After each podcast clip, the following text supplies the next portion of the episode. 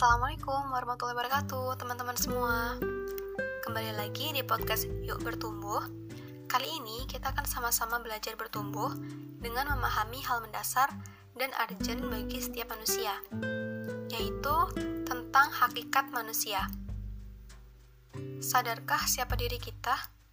Apa sih tugas, fungsi, dan peran kita di dunia? Mengapa kita hidup di dunia? Dan sudah seberapa jauh sih kita mengenal diri sendiri? Inilah pertanyaan yang harus kita jawab terlebih dahulu sebelum jauh merencanakan cita-cita, harapan, dan mimpi-mimpi kita di dunia. Inilah hal mendasar yang menjadi penentu. Akankah hidup kita sesuai dengan fitrah manusia atau malah tidak?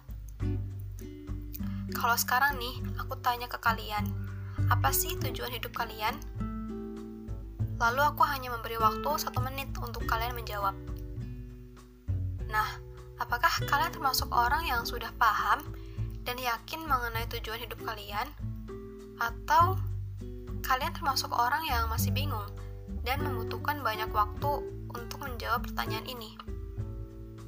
Faktanya, memang tak sedikit orang yang masih bingung terkait tujuan hidupnya. Bahkan, banyak orang yang tidak tahu tujuan hidupnya mereka hidup dengan prinsip ya udah sih jalanin aja. Nggak usah dibikin ribet deh. Kan hidup cuma sekali. Lagian semua kan udah diatur sama yang di atas. Sering gak sih kita dengar kayak gitu? Padahal nih menentukan tujuan hidup itu pilihan manusia loh. Iya pilihan kita. Hidup emang udah diatur sama Allah. Tapi pilihan-pilihan kita sebagai manusia juga akan mempengaruhi ketetapan Allah kita sebut dengan takdir mu'alak.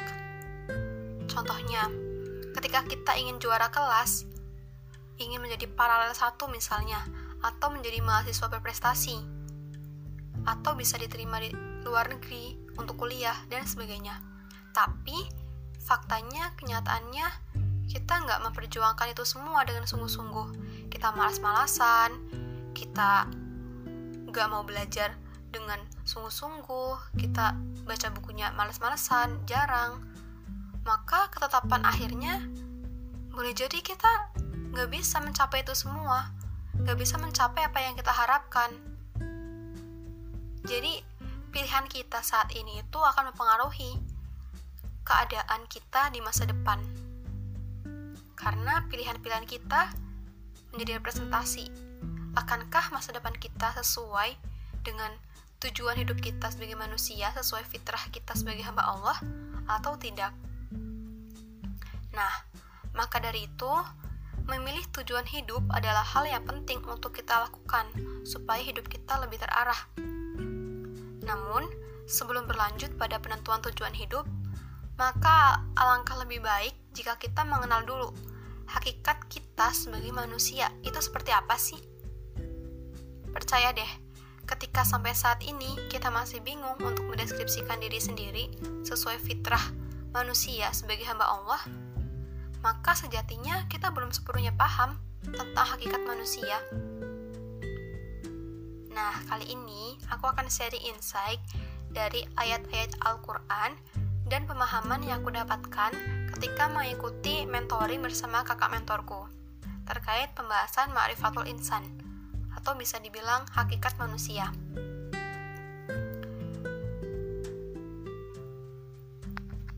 Oke, kita mulai ya. Yang pertama, tentang pencipta dan asal manusia.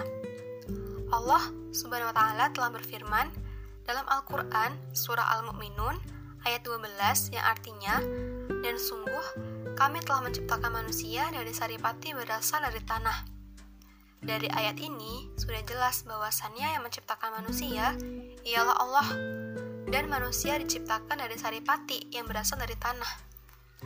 Ada juga firman Allah lainnya yang menyatakan tentang penciptaan manusia bisa kita pelajari dan pahami di Al-Quran surah Al-Insan ayat 2. Dan sebenarnya ada banyak banget sih ayat yang menyatakan tentang penciptaan manusia.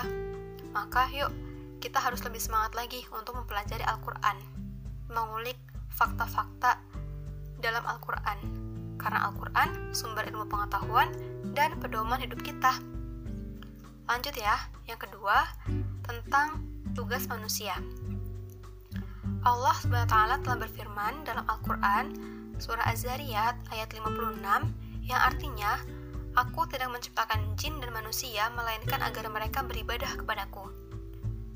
Nah, dari ayat ini sudah jelas sekali maksud Allah menciptakan manusia agar mereka beribadah kepada Allah, hanya kepada Allah. Bukan hanya menjadikan Allah sebagai Tuhan mereka, tapi juga menjadikan Allah satu-satunya sesembahan atau ilah yang layak dan wajib untuk diibadahi. Maka ketika sampai saat ini kita masih enggan dan malas untuk beribadah kepada Allah, untuk sholat misalnya, maka boleh jadi kita hanya menjadikan Allah sebagai Tuhan kita.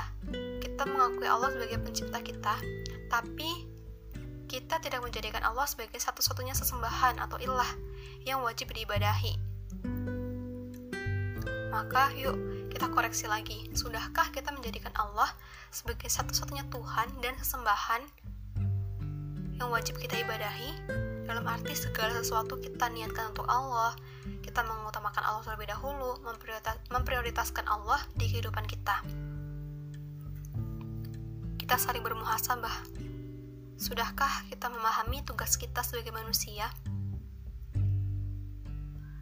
Nah yang ketiga tentang fungsi manusia.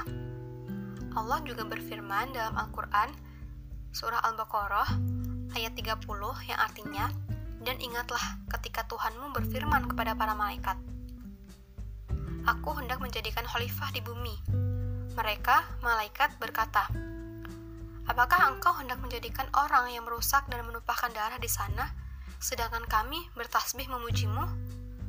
Dia Allah berfirman, Sungguh, aku mengetahui apa yang tidak kamu ketahui. Dari ayat ini, secara langsung Allah menyampaikan kepada kita bahwa Allah ingin menciptakan manusia untuk menjadi khalifah di muka bumi, untuk memakmurkan bumi dengan cara menerapkan hukum-hukum Allah di bumi. Secara tegas Allah meyakinkan bahwa fungsi manusia ialah menjadi khalifah. Pertanyaannya, apa sih khalifah itu? Secara bahasa, khalifah itu berarti penguasa atau pemimpin yang mengarahkan pada kebenaran dan kebaikan menegakkan hukum-hukum Allah dalam kehidupannya, menjadikan Al-Quran, As-Sunnah, atau Al-Hadis sebagai sumber rujukan dalam menentukan suatu perkara. Semuanya melibatkan Allah.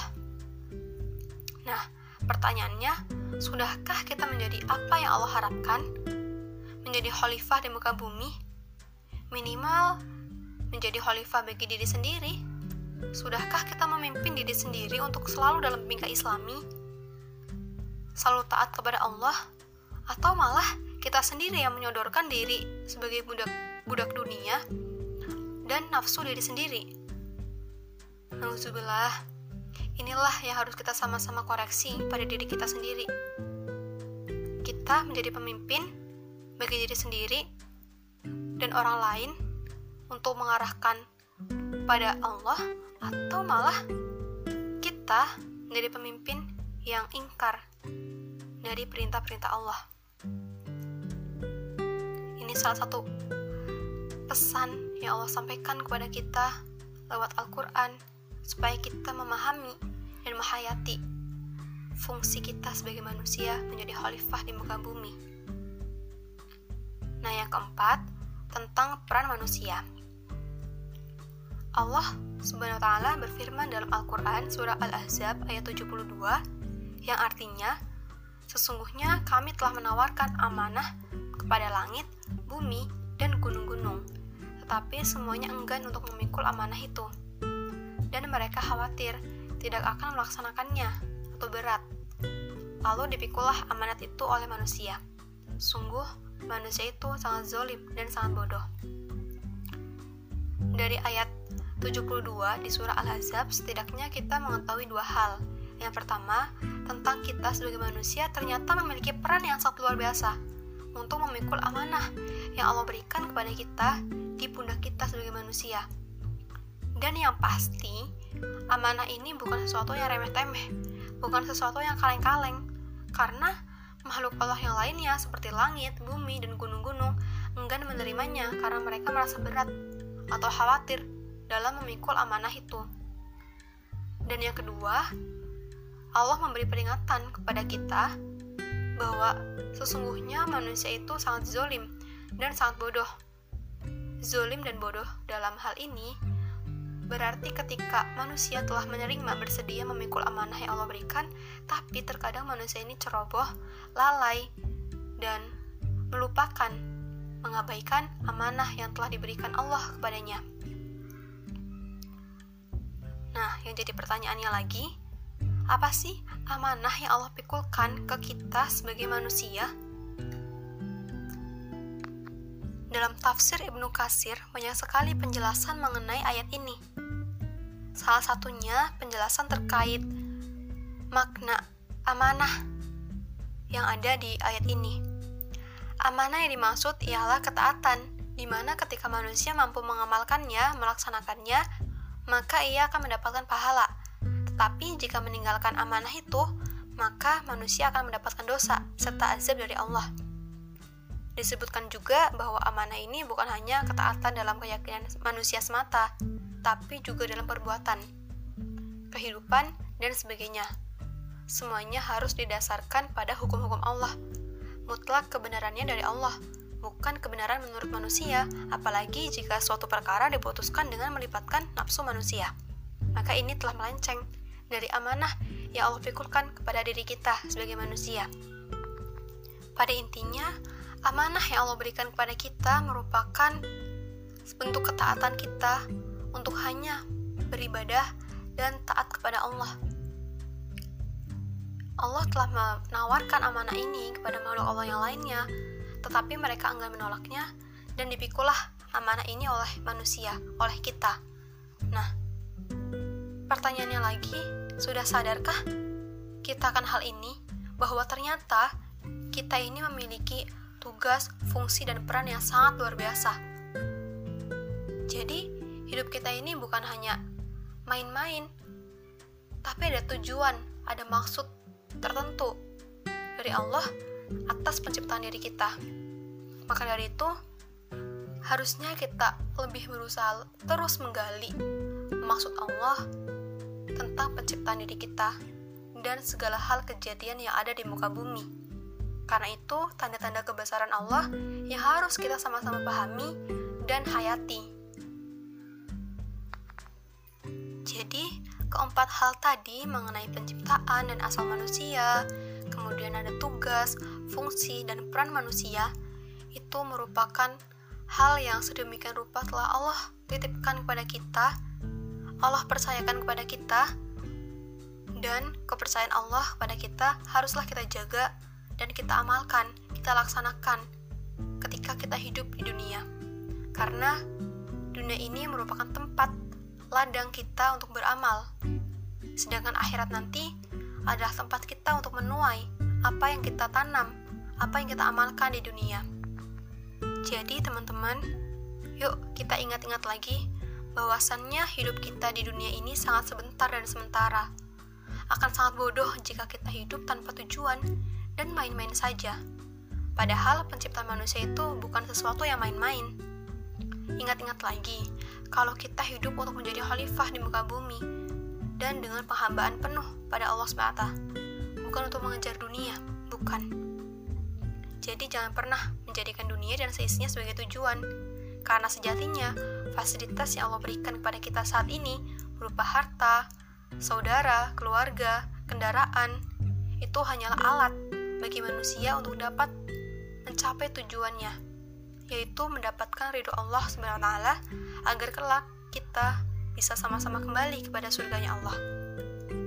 Dan jadikanlah dunia ini sebagai jembatan untuk kita dapat mencapai tujuan kita dengan memaksimalkan tuju dengan memaksimalkan tugas, fungsi, dan peran kita sebagai manusia. Inilah hakikat manusia yang sebenarnya. Sudah sadarkah siapa kita? Sekarang pertanyaannya, Maukah kita berusaha hidup sesuai dengan fitrah manusia dengan menjalankan perintah Allah dan meninggalkan segala larangan Allah secara kafah, secara menyeluruh? Semua itu tergantung pada pilihan kita, pilihan hidup kita. Dan ingat lagi bahwa hanya ada dua pilihan, taat atau maksiat, kebenaran atau kebatilan. Semoga apa yang aku sharingkan kali ini dapat membantu kalian semua dan menjadi reminder utama bagi diriku. Jangan puas ya dengan apa yang aku sampaikan, karena ketidakpuasan inilah yang akan mendorong kita untuk terus berusaha bertumbuh, belajar dari banyak tempat, dari banyak sumber, meluaskan perspektif kita tentang Islam. Semangat bertumbuh teman-teman semua, dan jangan lupa untuk be happy to grow with Al-Quran. Jadilah pribadi yang bahagia, gembira, bersuka cita, bersyukur untuk bertumbuh bersama Al-Quran. Kebenaran itu milik Allah dan datang dari Allah apabila ada kesalahan pengucapan yang aku sampaikan kali ini itu mutlak dari kebodohanku sendiri. Aku minta maaf yang setulus-tulusnya kepada kalian. Share ya jika podcast ini bermanfaat. Barakallahu fiik. Wassalamualaikum warahmatullahi wabarakatuh.